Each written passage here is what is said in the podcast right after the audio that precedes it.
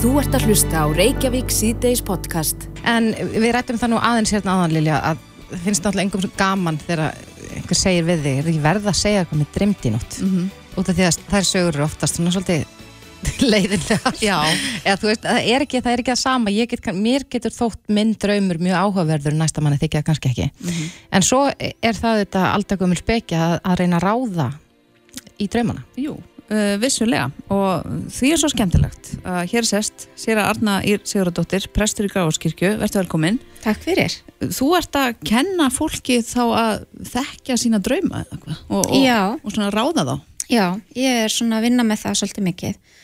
Það er náttúrulega mjög gömul svona draumahefð á Íslandi og hérna, fólk talar heilmikið um draumana sína og það er mjög gjarnan að fólk segir kannski vinninu veistu hvað mér dreymdi í nótt og það var nú svo mikið vitsa og svo mikið bull og, og svo kannski segir fólk draumana sína og það er svona meira bara eins og einhverjar svona grínsögur að því að þetta er allt svo surrealist og svo kannski segir fólk, já þetta er nú örgla fyrir einhverju góðu.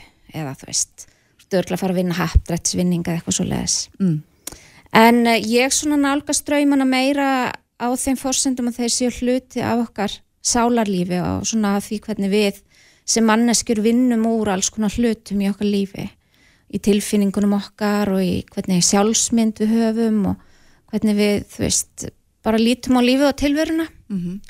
Og það er náttúrulega svona sálfræðin í rauninni það má segja sko að, að hérna í upphafi sálfræðinar þessara nútíma sálfræði þá, þá voru þessi stóru Jung og Freud að skoða drauma og svona og reyna að, að hérna tólka þá eða útbúa eitthvað svona kerfi hvernig væri hægt, hægt að tólka draumafólk sem hluta af tilfinningarlífinu Mm. og ég er svolítið að byggja á þeim grunni. Og ég er mjög mikið að nota sem sagt kenningar Jungs aðalega svona um hvernig um, já, hvernig við fungerum í sálarlífin okkar.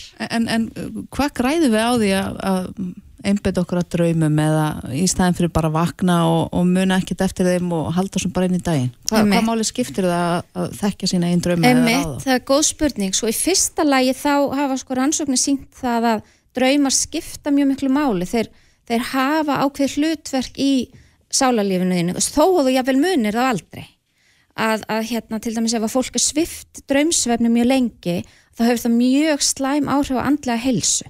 Þannig að draumar skipta máli upp á geðheilsu fólks. Og það að sko vinna með drauman sín og skoða draumana það getur alveg hjálpa fólki að svona bara kynnast sjálfu sér betur. Um, það er svolítið mikið þessi pæling að undir meðvitundin sko í undir meðvitundinni býr ofsalega margt sem við erum ómeðvituðum en sem að segir okkur ofsalega margt um okkur sjálf. Og undir meðvitundin pikkar upp allskins hluti úr því sem að gerist í umhverfin okkar og, og svona í okkar daglega lífi sem að kannski fer bara beint þar og við erum aldrei eitthvað meðvituð um en getur haft rosalega áhrif á bara ímislegt í okkar lífi. Og ég menna til dæmis bara allt tengt áföllum er alveg hluti til dæmis að þessari pælingu þannig að það skiptir mjög mikið eða veist það getur hjálpað mjög mikið Já. að skoða draumana sín En sko draumar eru nú stundum mjög gleðilegir og maður vaknar hress og svo getur maður líka dreymt bara hræðilega hluti, mm, marstraðir. akkurat. Hefur það eitthvað að segja? Er, er einhver svona, já, Já. einhver fræði á baku það, hvers Já. vegna dreymir mann illa? Um, sko, það er nú svona til dæmis gjarnan sagt að sko martraðir séu eiginlega demanta draumalífsins af því að, að kannski í martröðunum byrtist kannski það sem að ógnar þér mest og það sem þú óttar, óttast mest og það sem að, að svona og, og ekki bara það heldur líka það sem að sko undir meðvitundinum liggur mest á hjarta að þú áttir þig á að þú þurfir að vinna með. Og, og það getur verið ofbáslega ógnveikjandi, það getur verið svo rosalega þú bara vaknar upp bara æpandi eða þú veist, og getur ég vel ekki sopnað aftur af því draumurinn er svo hræðilegur og það er svona ákveðin skilabóð frá, frá undirmeðtundinu, bara hei nú þarf þú að fara að skoða eitthvað í þínu lífi mm. þannig að sko martræðir eru mjög gott tækifæri til að skoða hérna svona ímislegt í lífinu sínu En á maður að, að taka því bókstaflega? Eða, sko, Nei, mann dreymir eitthvað hræðilegt en, en það kannski þýðir þá eitthvað allt annað. það þýðir oft eitthvað að sko draumar eru fyrst og fremst táknrænir þannig að allt sem að þú upplifir í draumi er tákn og tákni getur alveg verið sko uh, fyrir eitthvað allt annað. Til dæmis segja ofta sko persónu sem þið dreymir þú veist, þið dreymir einhvern vinnufélaga. Og það kemur eitthvað fyrir þennan vinnufélag og svo fyrir að segja honum veist, þennan draum daginn eftir. En sko þetta hefur ekkert með vinnufélagan að gera sem slík hann eða eitthvað sé að fara að koma fyrir hann. Heldur er hann táknar fyrir eitthvað í þínu lífi og í þi- þinni svona, já svona hálgjöru persónleika galleri þegar við erum öll með svo margar hliðar og hérna þannig að yfirleitt það sem hann dreymir er á einhvern hátt mjög táknrænt og þá þarf maður að túlka þessi tákn Mm. og það er alveg svona ákveðin kunst En, en getur við látið okkur dreyma? E- Ef, ef, Já, það er hægt að þjálfa sko, okkur dreymir á hverju nóttu, allar manneskjur það er aftur á móti sko, þetta með að muna draumana sem er svolítil kunst en sko, það er alveg hægt að þjálfa drauma minni. Og það er þú veist alls konar svona já, það er svona íhuguna aðferður og ímislega slík, það er líka til dæmis bara pælingar um að borða ákveðin vítamín eða ákveðin svona jurta te og ímislegt sem að svona þykir hafa góð áhrif. Það er mjög slæm áhrif til dæmis að þegar maður drekkur eða notar einhver svona vímöfni eða, eða, eða lif sem að hafa áhuga, áhrif á hugastarfsemina en það er alls konar svona pælinga líka í gangi Stundum hefur verið með, sko, sagt að þessi sniðut að skrifa niður um leið og maður vaknar. Ég man aldrei draumana mínu, ég get ekki sagt eitthvað neina leðilega draumasög, sko. en, en að ef maður vaknar kannski miðan nótt og var að dreyma eitthvað, að vera þá bara með hérna, stílabók á náttborinu og, og ripa niður, mælur með því. algjörlega að skrifa niður taka upp í síman um, og, og það er þessi, það þessi kunst að rifja upp drauman og þú þarft að gera það einmitt bara um leið og vaknar að því að þeir eru bara svona svo gufa, þeir bara eða sápukúla, veist, þú reyna að grípa það og þeir eru bara farnir Mm. þannig að það er, já, það er alveg heilmikil kunst ég mæl, og ég mæl alltaf með að fólk haldi drauma dagbók og Ok. það er, getur verið mjög áhugavert að skoða draumadagbækur eftir á og kannski áttar það á því þú ert kannski að gangi gegnum eitthvað tímabil í lífiðin og allt í hennu áttar það á því þegar þú skoða draumana að það er eitthvað þema í drauminu sem þú kannski einu sinni fattaðar ekki Mm. á meðan á þessu stóð Ok, það er mjög gott markmið bara kannski í, í sumarið. menn ég Eh, mæl með því, eindreið Sko eins og við sögum að þá ertu prestur í Gráfaskirkju og þú hefur nýtt þessa draumavinnu í þínu starfi sem prestur. Já. Hvernig þá? það er mjög algengt, sko þegar fólk kemur til mín eða okkar presta, þá er það yfirleitt á einhvers konar svona tímamótum eða umbrótatímum í lífinu og hérna gjarnan, þú veist, það makamissir, það er skilnað það er einhver átök, jafnvel í fjölskyldu eða fólk missi vinnun á sína eða eitthvað svona og það er mjög algengt þegar fólk kemur til okkar það segir, þú veist, að mér dreymir svo rosalega mikið núna undanfarið. Af því og þá, og þá fyrir ég mjög gjarnan að, að spyrja fólk út í draumana þeirra. Og það hefur bara hjálpað fólki alveg ótrúlega mikið og svona að sjá kannski um, hvað það er virkilega sem er að naga það. Og það getur alveg verið að það sé bara kannski eitthvað allt annað heldur en það heldur að sé að trubla það. Þannig að draumar eru speil sálarinnar. þeir eru speil fyrir fólk En við rákumst ná á þetta, á þetta vegna þess að þú ert með námskeið hjá Endurmentun Háskóla. Íslands. já, Þannig að, að þeir sem vilja vita meira og fræðast meira um þetta geta skellt sér inn á síðu Endurmentunar og þetta er núna 25. april. já og svo Exakt. er ég býð ég upp á fyrirlestra ég er farið út um allan bæ með fyrirlestra um drauma og hérna og fólk getur fengið þessa fyrirlestra á vinnustadi eða í saumaklúpa eða, eða bara já, einhverja hópa sem að fólk hefur áhuga á að spá í svona og síðan ætlum við, ég og vinkonum mín að vera með námskeið í haust. Þar sem við ætlum að, við ætlum að kalla í vöku og draumi. Af því að, að hérna, hún ætlar að vinna meira með svona sjálfsmyndin og sjálfstyrkingu svona á meðvitaðan hátt. Og ég aftur á móti að vinna með draumana hjá þáttakendu þá á námskeiðinu. Og ein pælingin er að sko hérna í gamla daga þá fór fólk gjarnan í sko musteri og hof og klaustur til þess að dreyma, semst það svaf í kirkjum eða klaustrum og það, sérst, það þótti sérstaklega mikið marktakandi á draumum sem var, gerðust á þessum stöðum.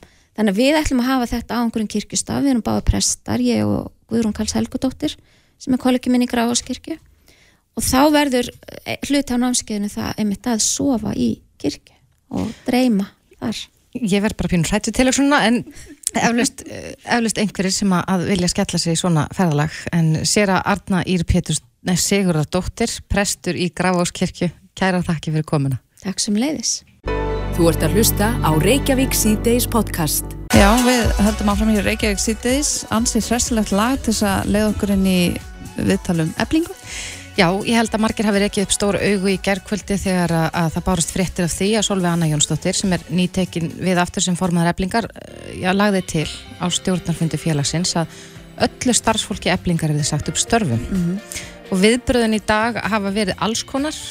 Solveig Anna hefur sjálf tjásu um þetta Drífa Snædal Friðrik Jónsson, formaður BHM tjáði sér líka um þetta og, og, og sagði að, að Já, að þetta væri, að þessar uppsækna myndi vekja óhug. Nákvæmlega. Uh, hingað er uh, komin Snorri Másson, fréttamaður stöðu 2 vísis og bylgjunar. Verður velkomin. Takk hjá Uh, nú uh, ímynda ég mér að almenningur skilja ekki nákvæmlega hvað er búið að gerast síðasta sólhringin. Getur þú kannski farið bara stöðlega yfir uh, hvað veldur? Akkur er þessi svakalega styrjöld hafin innan verkalýsreifingarinn? Já, já, þetta er náttúrulega, þetta er mál sem á sér mjög langan aðdrand og hefur auðvitað verið að gerjast lengi en, en þessi tildena atbyrðar á snú að hún skuli, já, stjórnin skuli þarna með átta atkvæðum gegn sjö ákvæða að já, ráðast í slíka endurskipulegningu innan félagsins að hún kalla það að segja einfallega öllu starfsfólkinu upp. Svo ákvörðin er bara nýtilkomin og kemur held ég öllum í opnasköldu. E Það er að segja að fólk er ekki ráð fyrir að þau myndi algjörlega gera þetta svona vegna sem Solveig og þau hafa nú lengi líst því að þau eigi erfitt með að ná einhvern veginn undirtökunum á starfsfólkinu á skrifstofunni og þau hafa, það hafa rýmsum verið sagt upp og e, það hefur svona bara verið lengi bara svona andaköld á millisist annars vegar stjórnarinnar, það er að segja Solveigar og hennar fólks og hins vegar skrifstofunar. Nú gerist þetta og ég meina einhver lýsa þessu bara einfallega sem hreinsunum að losa sig við allt fólki en síðan er í bóðið að sækja aftur um Eh, og sko á, í aðra höndina er þetta bara tilraun solvegar til þess að ná stjórn á starfsfólki í félagsins mm. og að raun og veru geta að fara með félagi þá átt sem hún vil en í heinar höndina er þetta aðferðafræði sem solveg sjálf hefur gaggrínt sem bara verkalýs fórkólur að e, e, blása til hóp uppsagnar e, með því fororði að fólki sé frjálst eða sé jafnvel kvatla að sækja aftur um. Þetta er aðferð, aðferð sem aðdunraugur hafa beitt og, og eru umdelt en þetta er bara oft gert til að læka laun og svo framvis og þau eru svo líka opið með það að þau eru að fara að breyta kjörum þessa fólks e, hægt að gefa þeim frían hátægismat og eitthvað svo leis að þeim finnst held í starfsfólki í einhverjum tilökum hafa verið eins og púkin á fjórsplittanum e, á skrifstofunni. Þannig að þið heyrið að þetta er svona viðamikið mál. Kjartin í málinu held ég er sá að þetta er bara rosalega umdelt aðgerð. Eh, andstæðingar Solveigar higga ekki við að já, nýta þetta gegn henni en Solveig er mjög áfram og först í sinni trú. Minnst helstu tíðindin vera þau að drífa hver harkalega að drífa Snædal fórsætti alþjóðið sambandsins bregst við þessu. Og hún segir þetta sér ömurlegu dagur í svo verkalýsfélagan og svo framvegis og fordæmir þetta algjörlega tæpi tungulöst og nú má öllum vera ljóst að á milli drífu og solvegar er engin sérstaklega mikil vinátt að þessa dagana. Mm. uh, tótin hefur ekki verið svona harður áður. Og þetta er heldur ekkert eitthvað sem gerist um, samhengislaust. Það er uh, aðalþing að, alþjóðisambatsins er í oktober þar sem uh, 300 fulltrúar eða svo kjósa nýjan fórseta ef að svo verður. Drífa hefur enn ekki ekki út hvort hún bjóður sér aftur fram. Nýja hafa sem sagt fulltrúar innan gæðsalapa hinnar fylkingarnar gefið út hver býðir sér fram frá þeim? En við sögum frá því hérna á sínum tíma að í raun og veru innan alþjóðsambatsins hafa þau tíðindi orðið að Solveig Anna, Ragnar Þór Ingólfsson, Viljámur Birgisson og fleiri í, í þeirra ranni eru komin með, getur við sagt, meiri hluta félagsmanna alþjóðsambatsins að baka sig. Þannig að þau eru innan gæðsalapa með meiri hluta innan félagsins. Þannig að þú veist, út frá því, þá gæti þau fengið næsta fórseta. Þannig að þessa deilur að, að núna séu Drífa og Solveig að taka svona harkala á ofnbærla, ég meina Solveig, þannig að maður lesi nú upp uh, umæli sem Solveig hefur um, uh, skal ég segja þér drífu, þá segir hún reynlega að já, uh, hún dirfist til þess að vera að í raun og veru tjási svona sem fórseti alþjóðsambatsins að það sé ekki sæmandi. Og hún segir að þetta sé lýsandi fyrir það hvar trygglindi drífu liggi, eins og þetta séu svona stjættasvig, þannig að þarna er komin mjög harkalegu tótn í baratuna, þetta er hluta því og e, síðan eru alls konar tæknilega atriði í sér hópupsök sem fólk -hmm. mun deila um. En e, ég held nú að það sé alveg hægt að halda því fram að hún sé gerð lögulega En sko, nú veltum maður líka fyrir sér það eru sko kjærasamninga framundan og, og, og hvaða áhrif mun þessi sko átök innan reyfingarnar hafa á kjarabartuna. Já, Það... það, Verður þetta til gags fyrir, þá, fyrir sko félagsmennin?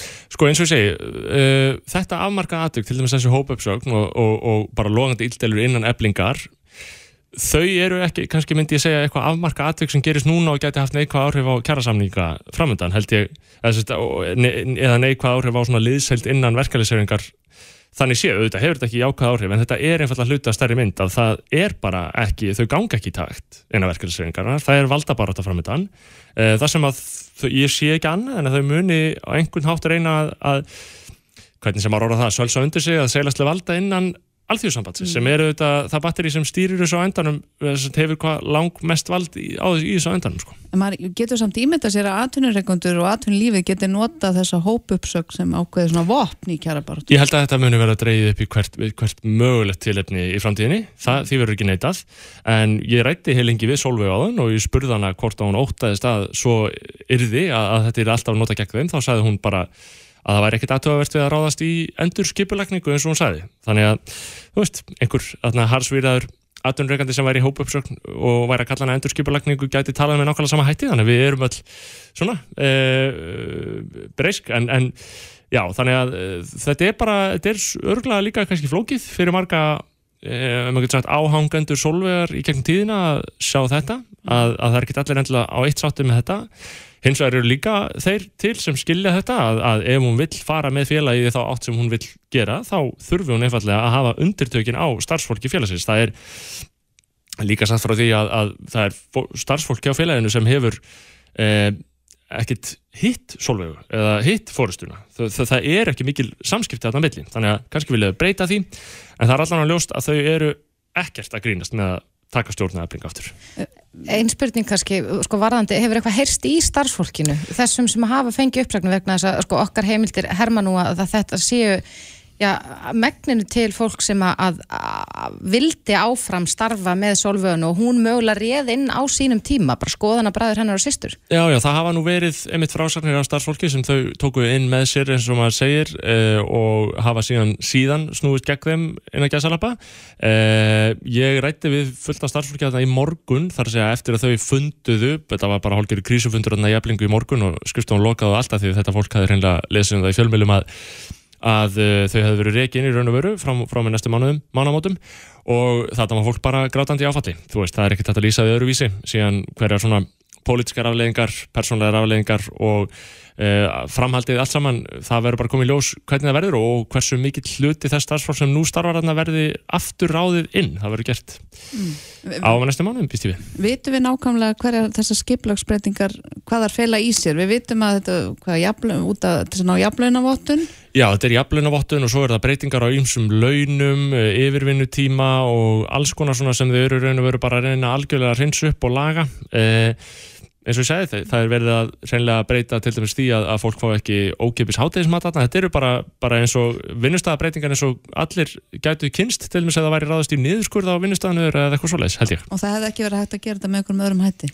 Það er það sem drífa bendi á að það væri vel hægt að ráðast til þessar skipulagsbreytingar hans að segja allum upp á einu bretti en Solveig, ég spurði hann líka út í það hvort það hefði nú ekki verið hægt þá sá hann einfallega að hún teldi að þetta væri rétta leiðin þannig að þarna eru bara skipta skoðanur og fólk er bara, eins og ég segi það, það er svolítið hver og einn að hugsa þetta með sínu nefi og, og, og, og, og þarna mætast stálinn stinn og ég held að, að þetta sé bara, við, við séum alls ekkert búin að býta úr nálinu með það að þetta verður að vera hartekist ámynda alveg í aðdraðanda þingsins, þarna í óttúber Já, og við munum fylgjast áfram með því en Snorri Másson, fréttamaður stöðvar tvö vísis og bylgjunar, kærar þakkir fyrir að koma og fara yfir þetta með okkur. Takk. Þetta er Reykjavík síðdeis podcast. Já, já, nú ætlum við aðeins að snú okkur að samgöngumálum.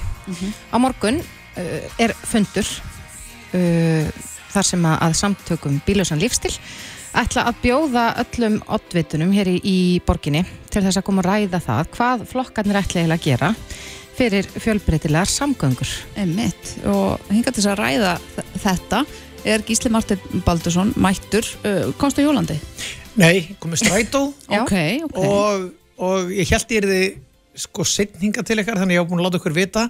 En svo bara var akkurat svona hopp hérna rafskutla bara á stoppustöðinu sem ég fór út á. Þannig ég brunaði á henni hinga það var smá svona planes, trains and automobiles. Vappaði fyrst, svo tók ég strætó og svo kom ég á rafskútu.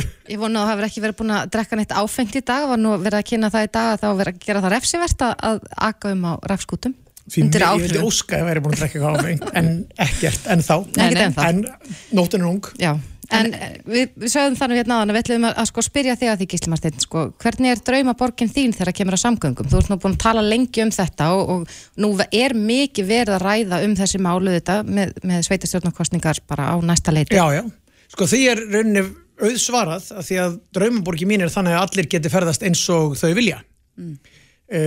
og það er ég held að allir taki undir það en ég held eins vegar að eða öll taki undir það, fyrir ekki við, ég er að reyna að tala rétt. Um, en hins vegar finnst fólki sem er á bíl eins og uh, eins og það sé bara allt saman í lægi en fattar ekki að þau sem hafa verið að reyna að hjóla hafa það miklu meira skýtt heldur þau sem eru á bílum og, og í rauninni hefur, af því að það er stundu að tala um aðföruna að enga bílnum, en í rauninni er það þannig að það er búið að vera aðför að öllum öðrum samgöngumátum í ára tugi e, það er að segja, það var ekki einn einasti hjólastígur í borginni fyrir bara örfa um árum, það var fyrsti svona alvöru hjólastígurinn sem var ekki einhver svona hobbystígur til að fara upp í heiðmörk var hérna efst á laugaveginum hann var settur bara eftir að ég byrjaði í borgarstjórn þó sem hann ekki verið gerður að mínu frumkvæði þannig að það er svo stutt síðan við fórum að hugsa um einhverja aðra samgöngumáta. Af því að síðan bara 1950 þá vorum við bara að hugsa um bílinn. Hann var til dæla nýkominn sem almenningseign og var bara storkustlegur og veitti okkur mikið frelsi. Og við gáttum fara að byggja upp í breiðholti að því að við gáttum sett hraðbrautir þangað. En núna er bara komin tími til þess að við aðeins vindum smávegis ofan af þessu vegna þess að við sjáum bara í könnunum að fólkið sem er að keira núna úr vinnunni það, stór hluti þeirra myndi gjarnan vilja vera að fara einhvern veginn öðruvísi heldur en á bíl mm. það fólk hefur verið spurt að því hvernig ferðastu og hvernig myndur vilja ferðast mm. og það vilja miklu fleiri geta ferðast öðruvísi heldur en á bíl mm. uh, en sko það er, þegar við byrjum að tala um þetta þá er svo oft, heldur fólk svo oft já ok, nú á bara að taka af manni bílin -hmm. nú á bara að þrengja hérna þannig að ég verði bara algjörlega stopp Orðræðan er svolítið Já, þannig. en það eru þetta bara alls ekki þannig vegna þess að ef að ef við til mist tvöföldum fjöldan sem fer í strætó fyrir hvernig það best, þau sem eru á bílónum í, á gödunum, þegar verið færri bílar á gödunum engin borg í heiminum hefur virkað þannig að allir fari á bíl og það sé bara greið og beinleið mm -hmm. engin borg í heiminum, ekki ein einasta -hmm. er þannig að bara allir velja bílinn og þá sé bara settar nógu breiðar götur og nógu mikið að mislagum gatnamótum og þá komist allir greiðilega engin borg. Við erum með miklu fleiri dæmi um þá, bara þúsundir dæma um það þar sem að allir ætla að velja bílinn og það endar í miklum umferðastöppum. Mm -hmm. Og það er ástæðan fyrir að við þurfum að reyna að dreifa þessu, þau sem að geta lappað, þau að lappa, þau sem að geta hjólað og vilja það, þau gera það og svo fari einhverjir í strætó og svo framvegs. En þetta er mikið verk og þetta er ekki aðeins skiplagsbreytingar, þetta er líka hugarfarsbreytingar, eins og segir, fólk fer kannski svolítið í vörð þegar það er verið að ræða þessi mál. Já, en sko þegar ég hitt einhverja kalla sem er jafngamleir mér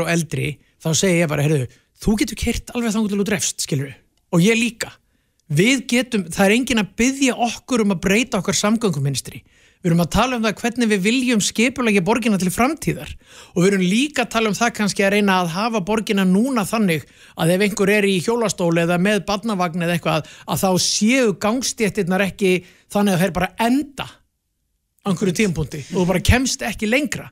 Þannig að hérna það er ekkit verið að fara að taka bílinn af neinum og, og fólk þarf ekki vera svona hvað við segja, paranoid um Nei. það þetta bara snýst um það að við verðum eins og aðrar álíka borgjur og reyndar er það þannig að í aðalskipulega Reykjavíkur það er, það er engin að byggja um neitt róttakara heldur en það, heldur en bara samþygt aðalskipulega í borginni þar eru við að stefna að því að vera með jafnhátt hlutvall bílferða eins og þrándheimur sem er bæri í Noregi sem er á sömu breytagráðu og við álíka stærð og er ein mesta bílaborg í Evrópu mm -hmm. Þannig að það er nú... Við erum ekki að setja marki mjög hátt. Já, þannig að það eru nú allir auðgarnir. En Reykjavík er bara svo út úr kortinu hvaða varðar bílaumferð mm. að þetta er spurningum að reyna með því að bjóða upp á frábæran strætó, með því að bjóða upp á betri hjólastíga og líka sjálfbærari hverfi, þjættari byggð þar sem er meiri þjónusta inn í hverfinu. Mm -hmm. Þannig að færri þurfi að fara á bíla því að mm -hmm. það er fullt af fólki sem að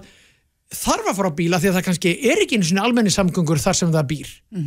Þannig að hérna, þetta snýst um, um þessa blöndun. Já, en þið ætlaði að fá oddvitana í borginni til ykkur á morgun að ræða þetta. Hversu bjart síðan ertu á að, að þetta mun allt fara fæsilega? Við vitum það að við erum með hérna, samgöngu sáttmála á milli sveitarfélagana og ríkisins en, en síðan eru ymsir flokkar búinir að svona vera aðeins að draga úr og tala um, um eitthvað, jú, jú, jú, við viljum borgarlínu en, en samt ekki eins og, uh, eins og segir hér. Akkurat, góð punktur uh, sko, það verður fróðlegt að heyra í þeim á morgun þetta er held í fyrsti stóru fundurina sem allir oddvitarnir mæta því nú eru all, all frambúðum búin að velja sína oddvita og við, við hérna við erum með þetta sem sagt þannig að þetta eru oddvitarnir sem að eiga fulltrúa í borgarstjórn núna eða eru að mælast inn í konunum núna.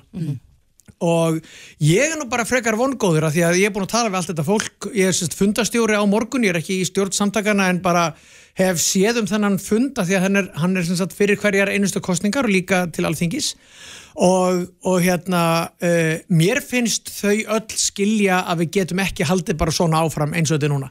Sko miður við núverandi uh, hérna, samgönguminstur þá fjölgar bílum á götum höfuborgarsvæðisins um 50 á dag. Ég sá þetta bara í vídeo frá borgarlínunni í dag. Þannig að og við vitum líka að ef við breytum þessu ekki neitt þá verða hér, og, og þó svo við byggjum fullt af mislagum gatnamótum þá verða umferðateppunar miklu verri heldur en eru núna eftir bara 30 ár. Og þau vita þetta allt saman sem eru í pólitíkinni, sem eru búin að fá allar kynningarnar og allar skýslunar og allt það. Þannig ég er nú frekar vongóður um að þau séu skynsum en við eigum lengra í land með því að eiga þetta samtal bara við borgarbúana sjálfa. Og fundurinn á morgunum meðal annars til þess þannig að fólk geti mætt og spurt þau og allt þetta. En ég held að það verði enginn þarna sem að segi nei, sa- almenni samgöngur eru bara glataðar við erum bara að hérna, greiða götu engabílsins, ég held að það sé e- enginn þeirra sem er með þá skoðun. En hefur ekki áhyggjur af því að borgarlína er orðið eitthvað svona sama sem merki við almenningssamgöngur? Að eh, ef borgarlína verður ekki þá helst allt hérna óbreytt. En ef að borgarlínan verður þá breytst allt. Þetta er náttúrulega svo fyndið vegna þess að þegar að borgarlínan kom, þessi útgáfa af henni, þegar var ákveðið að fara þessa leið, þá var ég algjörlega á móti því. Vegna þess að ég vildi ganga miklu lengra og fara út í miklu dýrari útgáfu sem að þeir eru rauninni léttlestir. Og ég kallaði þessa útgáfu strætó með varalit, af því að þetta var svona aðeins, aðeins hérna, uppfærið útgáfa af núverandi strætó. Þannig að þegar fólk kemur núna og er eitthvað að segja, já þetta er kannski aðeins of mikið, mikil uppfærsla við, við viljum alveg bæta almennissamgöngur en við viljum bara ekki bæta þér svona mikið þá finnst mér það eiginlega hlægilegt að því að þetta er millileiðin þetta er hinn útvatnaða útgáfa að því að menn tímdu ekki að fara í einhverju dýrari útgáfa og svona.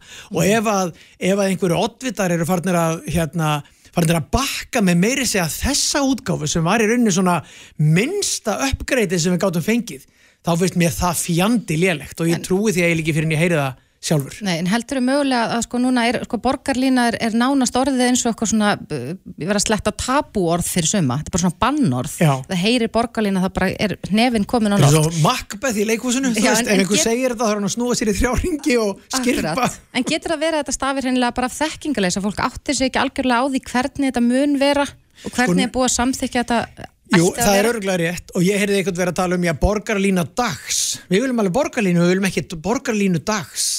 Og ég hugsa bara, ansið eru sjálfstæðismenn það orðnir raustnarlegir ef þeir að láta dag fá allan heiðurinn af borgarlínu sem að borgarbúa munu þakka fyrir næstu hundrað árin. En það eru sko sjálfstæðismenn í Garðabæ, Kópavogi, Hafnafyrði, Mosfellsbæ, fyrir utan fjármálar á þeirra sem að borgar þetta. Það eru þessir sjálfstæðismenn sem hafa komið þessu á koppin og auðvitað dagur líka en, en hérna ef að þau ætla bara að segja þetta er borgarlína dags og við erum algjörlega á móti þessu að því að þessi borgarlína mun verða hún er bara komin mjög langt í allir hönnun og þróun. Ég held að á þessu ári verið byrjað á brúnni hérna yfir í Kársnes sem er fyrst og fremst gerð fyrir borgarlínuna. Og það eru, veist, það eru undirbúningu framkvæmd að komin bara mjög langt mjög víða búið eigði í þetta hundruðu miljóna þannig að það að fara að vinda ofan af þessu núna er bara galið, en eins og ég segi, ég er ekki eins og tala fyrir samtökum bílösa lífstíl hér að því ég hugsa að fjöldi fólks þar myndi vilja fá miklu meira eh, meiri, miklu meiri uppfærslu á almenni samgöngur en eina af ástæðanum fyrir því að fólk vildi þessa leið var svo að, að hérna, þetta er gert þannig að ef að ef að borgarlínan verður frábær og allir vagnar verða fullir þar, þá verður næsta skref að setja teina í göttuna og láta léttlestirnar ganga þar að því að þær eru lengri, þið vitið að komast fleiri farþegar í hvern vagn að því að þeir hanga hver aftan í öðrum en bara einn bílstjóri sem að eru þetta hérna, stæsti kostnaðurinn við almenningssamgöngundar sem eru, veist, bílstjóranir. Já, en eins og þú sagði ráðum, þá komstu hérna, þú lappar, fórst í strætó og tókst hoppjól. Uh, við náttúrulega séð að það er búið að gerast ansi margt síðustu ár, við erum farin að deila hérna rafskútum og bílum og alls konar. Hvaða, hvaða borgir eru svona framsagnastar? Hva, ef við myndum bara horfa til einhverja borgar og ímyndum okkur Reykjavík eftir, ég veit ekki, 20-30 ár. Sko, ég gæti í rauninni sagt allar að því að Reykjavík er bara rosalega aftarlega á merinni. Mér finnst þessi meiriluti sem er búin að vera núna hérna undanfærin ár bara alls ekki hafa staðið sér nógu vel hvað þetta varðar.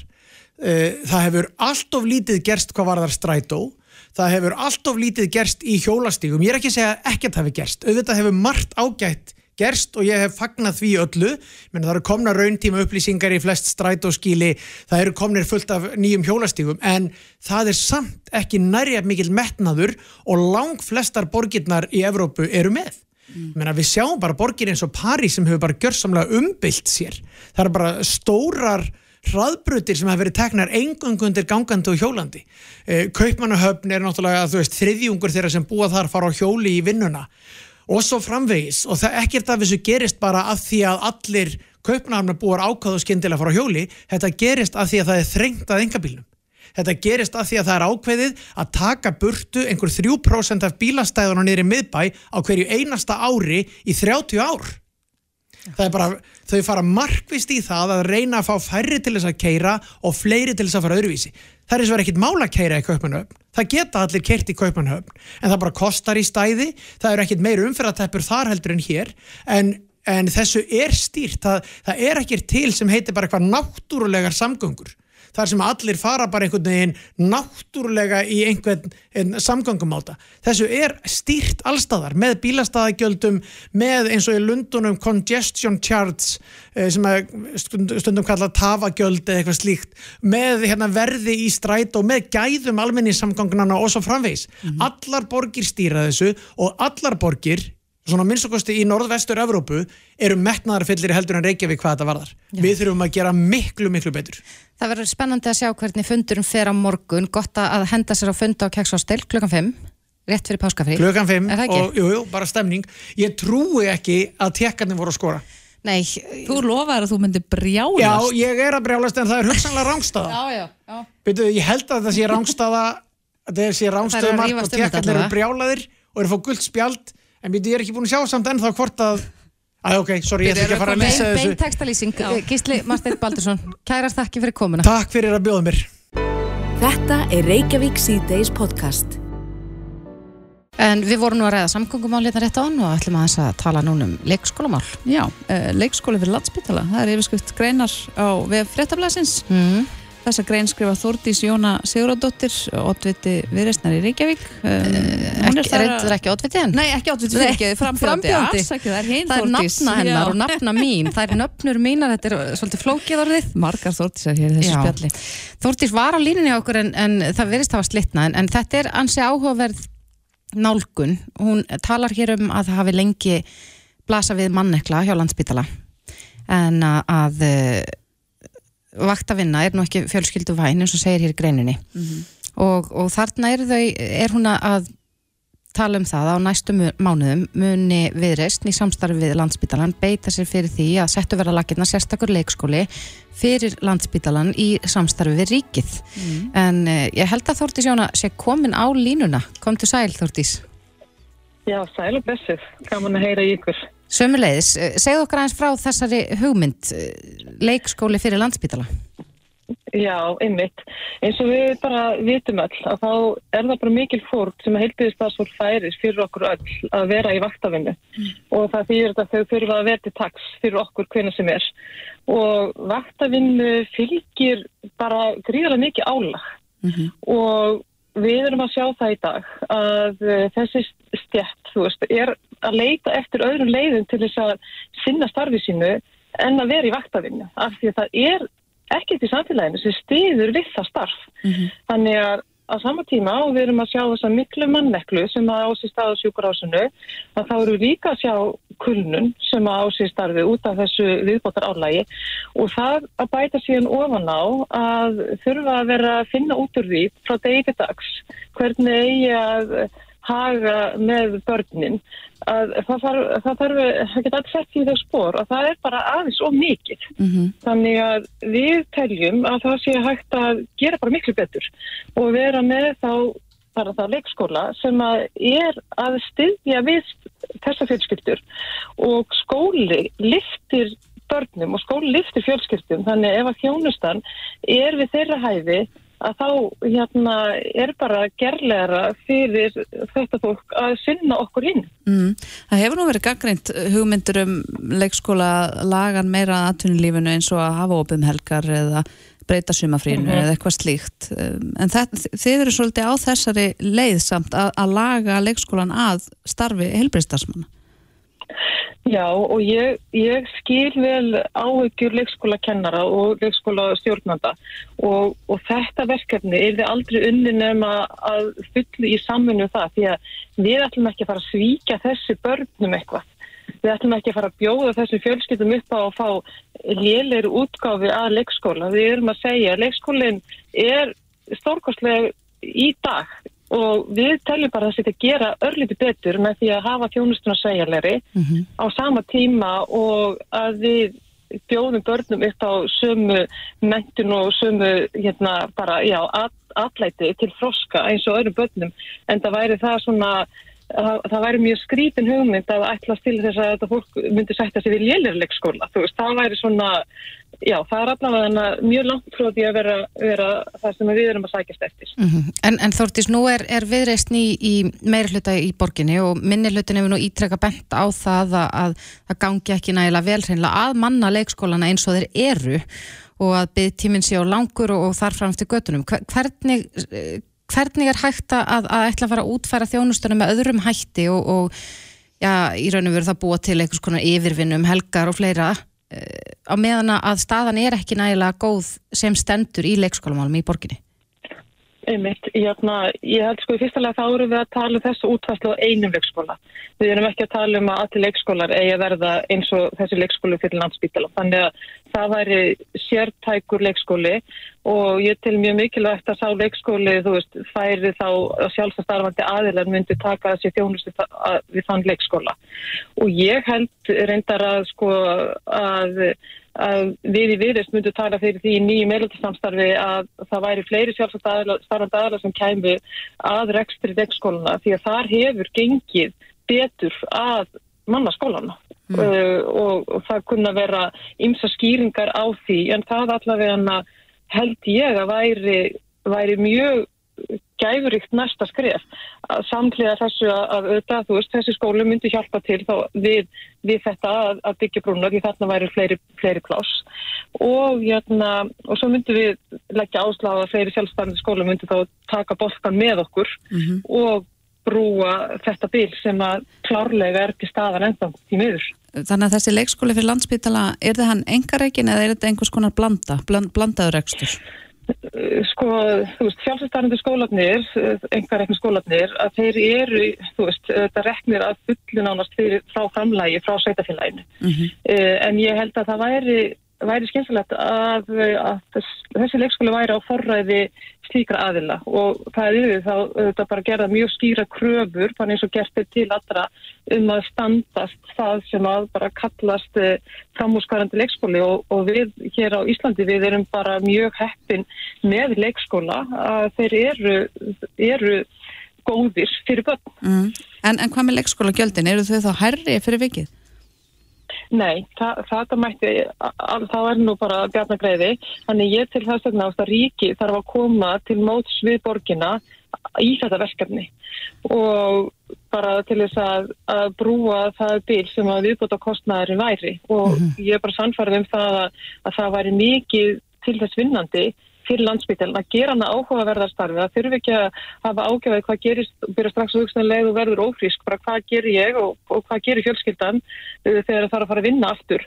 Og vitandi þú veist að það er skortur á starfsfólki þannig að jæna, þetta verður áhugaverður vinnustadur, laðar að sér fleira fólk, fleiri sem geta hugsa sér að fara þessa leið. Og við eigum fyrirmyndur á Norðurlöndunum og margt af okkar fólki sem hefur verið þar og kemur heim er svona bara pínu svona hissabitu, hvað hérna, hvað nú, þú veist, hvernig eigum við að finna út úr þessu, því að hérna, við þurfum að stiðja stiðja betur við.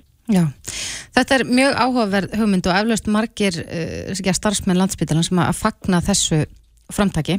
En Þórtís Jóna Sigurðardóttir uh, frambjöðandi viðreistnar í Reykjavík. Kærar þakkir fyrir þetta. Takk fyrir kjalla. Reykjavík síðdeis á Bilginni podcast. Lilja, þú sagðir hérna að þú gæ- gætir mögulega orðið Íslandsmeistari í leik nokkrum. Já, ef ég gæti orðið Íslandsmeistar í einhverju þá held ég að ætti mestan séns í, í þessum, þessar íþrótt, ef við kalla þetta íþrótt. Íþrótt, jú, það er, við nefnilega rákumst á það. Að á morgun er Íslandsmeistaramót í, í íþróttinni. Skæri blað steinn Ég var nú að segja frá þetta rétt á hann að dæta mín að segja ímist, sko, ímist skæri blaður steinn eða, eða skæri blaði steinn Já, mér finnst alltaf að ruggli blaðin út, mér er alltaf finnst blaðið lang hallarislegasta í þessum, þessar íþrótt. Eva, viltu koma í keppni um hver kynir inn næsta viðmálanda? Ekki málið. Þetta er gott útvarsefni, ertu tilbúin? Jep. Ok, einn, tveir og? Einn, tveir og? Ég segi alltaf einn, tveir og Skæri blað steinn. Ó, segir maður það? Já. Ok, ég kann ekki þessum reglurnar Ok, einn, tveir og Skæri blað steinn Ok, þú vannst Lilja, Lilja kom með hérna, steinin og ég með skærin Uh, Haraldur Anton er mættur hingað til að tala um Íslandsmeistaramótið í skæri blað steinn. Yes. Og þá verður eiginlega fyrsta spurningin að vera, sko, getur maður að vera góður í þessu eða er þetta bara algjör hefni? Já, þetta er alveg, þetta er taktík sko mm. og hérna, veist annarkoð þegar ætlar að horfa beint í augun á, á anstæðinginu þínum sko og fríka hann út hannig eða hérna Ég er enda að fríka Lilju út með þessu eitt fyrir og Það já, til ekki dæmis, sko. eða að taka alltaf steinin Já. Eru sumir sem gera að taka alltaf bara sama? Já, getur verið sko, ég veit það ekki Hvernig, sko, þetta er á Lebowski bar sem þú reykur uh, á morgun Já. hvernig, hvernig fer mótið fram? Er þetta útsláttakeppni eða Já, við erum sko, við ákveðum að hafa 32 keppendur svo þetta verður ekki alveg hérna langdreiði dót sko, og svo bara keppir þú veist, eitthvað með deinum svo sem vinnur, fyrir bara í Í Næsta round, sko. Já. Já. mhm, Ok, þannig að þetta geti, þetta þarf ekki að vera rosalega langt. Þetta, Nei, ekki þannig sko, þetta verður mjög spennandi og það verður blóðsýtt og tár og þetta verður alveg, geðið allt í þetta sko. Já, en þú vilt meina að maður geti æft sig? Já, já, það er búið að vera menn hérna alveg bara æfingabúið myndi bí Gerðarbergi sko. Já, Nei, nei, ég segir svo Nei, ok, ég, trúði þér, ég trúði þér Nei, þetta nei, er þetta, ég held að ekki- þetta er bara sko. Já. En hvernig er það, er keft í þessu uh, alþjóðlega? Er að, er, ef maður vinnur ég- Íslandsmeistara ekki svo titil, ég getur maður farið í, á heimsmeistaramóti í Það skæri var náttúrulega geggjað sko. En ekki svo ég viti sko. En, en þetta hefur verið haldið áður eða hvað? Já, við gerðum þetta alveg fyrir hérna fyrir svona 6 árum síðan.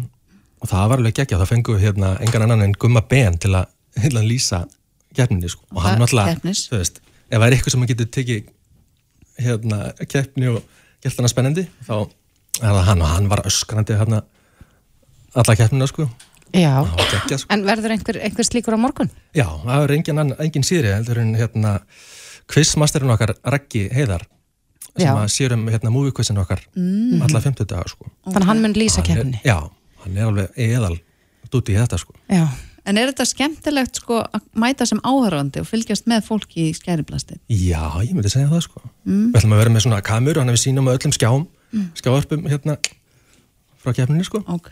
og jafnvel meira svo online ætlum að reyna En, en, Gera það en, líka? en síðast er ég heldur þessa keppni, uh, var mikið drama? Var fólk brjálað eða það rauðlengur voru, út? það voru sumir alveg reyðir sko, sem voru búin að hérna, mættu öllu að vinna og það voru sumir svona, tafsari sko en er til mikils að vinna? Ég- Fyrir utan nefnilega- titilinn, það er náttúrulega geggjað að fá svona titil Já, er, já fyrir utan það, fyrir fyrsta seti þá verðum við eðal risa byggar sko Já. Já, Svo eru náttúrulega velja vinningar líka fyrir efstu þrjú sætin sko. Við erum með hérna, uh, fyrir þriði sæti ætlum við að vera með tíu skona gjafabir á Lebowski. Svo í öðru sæti verður uh, 20 skona gjafabref á veitingastanum Kól mm. og í fyrsta sæti verður 30 skona gjafabref á Monkeys og ég bæti ekki líka gjafabir á Lebowski líka. Já, ok, þetta er svolítið spennandi. Já, En þetta var þannig síðast þegar ég heldur þessa keppni að það voru sennilega færri sem komust að en vildu. nefnilega sko. Þannig að Nefnilega. þið eru núna með 32 manneskjur. Já, og það er held ég að fer nú bara að fyllast í það slott sko. Það er kannski nokkur Þannig ég og Lilja erum kannski ekki á seinar að skrá okkur. Nei, við, Hvar myndum við skrá okkur ef við myndum vilja taka þátt? uh, Á bara netinu á hérna uh, info.allibaskibar.is eða ringi okkur eða droppa við En, en nú eh, við fengum spurning úr sal Já, eh, frá hlustanda. er, er vitað hvað er sko svona vinsalasta vopnið? Er það skæri, er það blað eða steinn? þetta er góð spurning sko. Þú veist ekki með svarið við Nei, ég er ekki með svarið. Nei. Ég myndi ekki sko, er ekki steinnin alltaf Ég myndi tippa á steinin Ég veit ekki akkur sko Já, en svo kemur blaðið og lauma sér já, inn og ég- það er umleikur laumur, steinin. sko. Já, ég skil ekki blaði, ég hef aldrei skilið blaði Nei, Nei, ég ég held er að, svona með steinnin verið eitthvað Já, þú veist Já Skærin gæti verið svona ég held að skærin sé svona já. sko. þau kom að klippa þetta blessaða blað sem umleikur Svo er þetta rannsaka hver, þú veist hvaða hérna, típur nota Já. steinin, hvaða típur eru svona blaða En er fólk að svindla? Sko ef ég ef fyrir skæri blaðsteinn og ég sé Já, að þú byrjar að gera sko. skærin þá bara ó Það er svona að við erum með, við erum með dómara sko. erum sem já, já, það eru dómarar. Já, við ætlum að reyna að gera það sko. Já, ok, þannig að Þetta er alveg alvöru, alvöru. sko. Já, já. Ég er nefnilega ra- rakst á þetta svona fyrir rælinni á samfélagsmiðlum og ég hugsaði þetta lítur nú að vera eitthvað grín en svo bara komst ég að því að er bara þetta er há alvarleg keppni og, og kannski tilvali tæki fyrir fólk eins og svo mig sem að hefur nú sjaldan skarað fram úr í neinum íþróttum já. að keppa þarna. Hugsa ykkur eiga byggar, þetta er gott á sífíun að vera með byggar heima þessir Íslandsmeistari í skærabla stein Já, og hver veit nefn Þetta er eftir einhver ár verður þetta bara grein á olimpíuleikunum Já, nákvæmlega, Annaðis hefur nú gerst sko. Já, ég segi það sko. Info at bar. lebowskibar.is til þess að skrá sig eða droppa við ef það verður laust, er það Já, ekki? ég held að fyllist nú bara mjög fljótt sko. Já, þetta er spennandi, klukkan hvað er þetta? Klukkan nýju á morgun, Klukkan nýju, þannig að við náum þessu. Já, já, bara við hérna náum eftir útsendingu á ég morgun kikið Glæsilegt, um, Haraldur Anton Skúlusson Kæra þakki fyrir komuna. Takk fyrir mig. Reykjavík síðdeis á Bilginni podcast. En nú er ansi stutt í páska og það er ekki bara páskaækin sem heitla með á þessum tíma heldur er það sjálfsögur líka sjónvarsdagskráin Já, ég samanlega, það er náttúrulega mikið að frétta alltaf í sjónvarpunum páskana. Ég held að það sé nú eitthvað í gangi á flestum stöðfum svona eitthvað nýtt að koma út, eitthvað nýtt og íslenskt. Eins og gerist á jólum og páskum og eitt af því sem að margir býða eftir er í raun og veru svona framhalds uh, þáttaröð, má segja. Við munum flest eftir latta í uh, jarðaförinni hans, má segja. En nú er, er komið að brúðkaupi og uh, þáttaröðun, brúðkaupi mitt fer í síningu núna um páskana og þeir eru komin inga til okkur Kristoffer Dignus sem er uh, bæði leikstjóri og handreitshöfundur og Jón Gunnar Gerdal, einn af handreitshöfundum líka komið sælir. Komið sælar. Hæ, hæ. Er þetta ekki rétt, er þetta ekki þetta er framhald, má segja, af, af Jú. uh, jarðaförinni? Jú, þetta er framhald, þetta er, þetta er uh, þarna bara gerist raun og veru einu og halvu ári frá því að við sáum uh, sem sagt uh, Bendit síðast sem er aðalsögu hetjan þegar hann gekk, gekk inn á, á skurstofu, ekki vitandi hvort hann myndi lifa aðgerðana af eða ekki þannig ég er ekki að spóila það en hann lifið hann af sem sagt En er ekki hálgerðu spillir samt sko að koma með aðra séri sem heitir brúðköpi mitt ef að fólk er ekki búið að sjá jarðaföruna sko. Það er náttúrulega engin afsökun fyrir að hafa ekki séð jarðurna mína, það er bara fólk þarf núna að nota tí tíman, ég meina við, við erum á hörnsinu á páskana, fólk bara þarf að byrja þá að horfa jarðurna mína Já. til þess að átta sér betur á hvað er að fara að gerast í brúðköpinu mínu. Búinir að jarðalatta og nú ætlum við að gifta hann sko. Þetta er, er framhald, gerist þarna rúmu ári eftir að hérna, hann lappaði inn á, inn á skurstofuna sko. Hann að og það verður gaman að kynast þessum, þessum karakterum aftur og við erum að kynna nýja karaktera líka sem leiðis. Hverjir eru að, að leika í þessari þáttaröð svona, svona þeir helstu? Já, það er náttúrulega þjóðagessi minn Latti, er náttúrulega fyrir með aldurki eins og allir vita og svo er þetta hérna, uh, hérna sonur hans, sem sagt, uh, þann Ævar Þór leikur hann, uh, Birna Rún leikur konuna hans, uh, svo eru þarna alltaf Þorsteinn Backmann er þarna og Ragnhildur Skúla og Einar Gunn. Einar Gunn, já, Já. Og, og náttúrulega Birta litla hérna, litla leikona sem er svo mikið súpistjarna Já. í, í stundin okkar og fleiri, fleiri svona batatengdu verknum Þannig að Og Mari Heppa sem þú kannast við? Mari Heppa sem ég kannast við, kona mín og bara fullt af, þetta er eðalið sem er En hva, hverjum er Latta að fara að giftast? Má, má segja frá því það? Já, hann er að fara að giftast æsku aftunni sinni sem að var hérna sem sagt, þessi prestu sem hann kynntist aftur eftir, eftir áratuga langa frávöru í, þætt- í, í fyrir seríunni þannig að þau eru að fara að, hérna, að, að, að já, voru kærustu bara á svona ólingsárunum og svo hvar hún að landi brott. Þau kynast aftur hérna í jarðaförinni minni hjá hún og Latta þannig að hann ætlar að hérna, reyna að giftast henni thi- this time around. En er það ekki bara gleðilegt? Verður þetta þá bara svona flatt sjónvarsefni, bara hamingja eða? Nei, það er alls konar flækjustíð sem kom inn í þetta kannski fyrsta vesin sem kemur að þau eru búin að ákveða dag sko gamlu, gamlu hérna, gamla kærustuparið en þá uh, er hérna fyrirundi konun hans, hans Benedikt búin að skipuleika brúk upp á sama dag Þannig með að sé- argentíska elskuga sínum. Já, sem er miklu yngri en hún. Uh, Þannig það er fyrsta svona uh, fyrsta vesin sem kemur og svo kemur öllu alvarlegra vesin ljóð setna sem að setur svolítið svona skeiklukuna gang fyrir uh, Benediktum að, að hann verður að drífa sig að giftast uh, Ólufi áður en áður en öðru og seint. Það er að vera að ímsað huga þegar maður er að gifta sig. Ég ætla að gifta mér í tveimur árum og svo í fyrra og svo mögulega aftur í haust, sjáum til. Já, þetta er er náttúrulega mjög stressandi og það getur allt fara úrskiðis. Það getur allt fara úrskist, tala nú gummi átt að fara að gifta þig á sama degi og með hérna, þinni fyrirrandi einhvern veginn, joinit einhvern veginn saman. Já, reynaðu það, reynaðu Já, að reyna búa til bara eitt stórt það er svona, já, það er svona eina hugmyndun sem Bendit fær bara svona því að fyrirhandi konan sé svolítið fyrirfram mikil í hans lífi og hávær og ákveðin og, og það, hérna, það er svona hugmyndi sem að poppar upp að hei, ég var að reyna að gera þetta bara saman sem alltaf bara hljóma, ég veit, ég, já, það hljóma fyrir honum eins og góð hugmynd. Já. en hérna, en svo bara allt sem að mögulega getur farið úrskeiðis gerir það svolítið. Og meðan að þetta er að gerast og þau eru að plana hennan fallega dag þá, hérna, þá stendur einmitt hérna samband sonar hans á bröðfótum og eru að takast á við alls konar áskorunir þannig að þetta er náttúrulega bara Bara saga um ástina. Já, og í rauninni bara, þú veist, ef að fyrsta serien var svolítið fjölskyldan og döðin og takast á við veikindi hans og hérna, þá var þetta svolítið svona fjölskyldan og ástin í mjög vítöku samhengi, sko.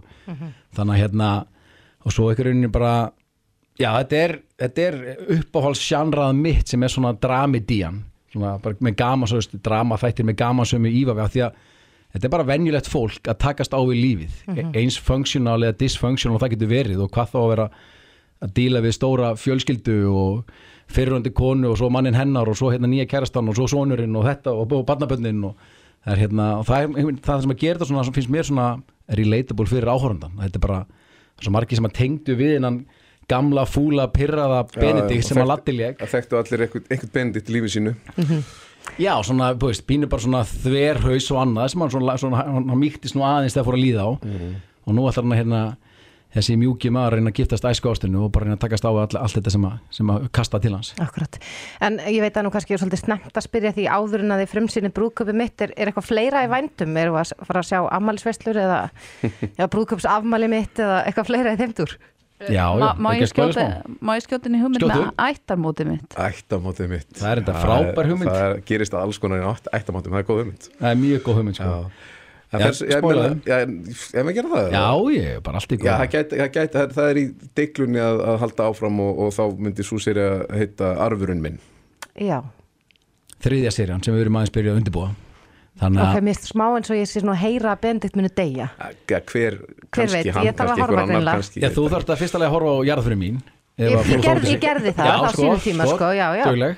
og svo tekur þú brúkupminn núna. Mhm. svo bara sjá hvað gerist í lókinu á sjötta þætti. Ég horfði sko aðalega út að ég er mikil, mikil aðdáðandi Byrtu Hall sko. Já, Hún er bara, hún er aðaleikuna í mínum með Hún er- Æðisleg. Hún er frábær þessari seri líka núna. Já, Sísjók, hún fær líka stórt hlutverk og, og ný verkefni sem að hérna, hún og hennar fjölskyldu þarf að takast á við, sko, sem, að, sem að skýrast vel að ok, þannig að arfurinn minn kemur þá í sjónvarpið eftir eitt ár, tvö ár Já, það er aldrei vita, Pas, Já, já. Paskalið 2023 það fer bara eftir hvað, hvað, hvað margir horfa á, á brúköpum mitt og hvað, En við erum alltaf komin að staða undirbóta og ég, ég sá, sá þetta alltaf fyrir mig sem eitthvað svona eitthvað þrjá, þryggja, Já, þetta var trílógía. Já, svona trílógía svolítið sko, börsið frá hvernig hvert hvað þetta enda svo, en við erum alltaf komin hingað og serja 2 dettur inn á morgun, 6 þættir í sjónvarpi Símans Premium og Glassi River vinnur okkar að framlega Mm. við ætlum að þessum, þessum tímamótum, það er alltaf svolítið sérstakt finnst mér einhvern veginn að og ég var hérna bara hálfgerði gæðsræringu fyrir tveimur án síðan að sleppa þess út í kosmosi sko, hann myndi svo oft verið hinum einn að plugga einhverju eins og þið þekkið, Mhm. ég heyri nú annars lagi yngur Mhm. að hérna að einhvern veginn að sitja í sófónum sleppa svo út í hið íslenska kosmos sem getur nú verið svolítið kröfuhart og grimtsundum Mjög. ég hef allavega ennþá ekki séð eina eitt neikvætt komment um jarðaföruna þetta er svona snert einhverja taug við vorum öll einhvern veginn búin að skipa okkur að vera heima heim í COVID þarna í mass fyrir tveimur árum. Já. þannig að hérna það var ótrúlega gaman að upplifa það. Og ennþá meira, ég held að svona build uppi fyrir morgundeginum að sleppa svo út í kosmos er, þetta er, er að byggjast upp skóldin Já, sex þættir, þannig að öll serían dettur inn öll á serían morgun kemur inn á morgun Ok, Þetta er tilvalið til hámhorfs Já. Já. Það er mjög gott að heyra uh, Kristoffer Dignus og Jón Gunnar Geirdal Takk kærlega fyrir komuna Takk fyrir okkur. Gangi ykkur vel og við hlökkum til að fá okkur að árið eða tveimur og tala um arfin Já, takk. takk. Hlustaðu hvena sem er á Reykjavík síðdeis podcast.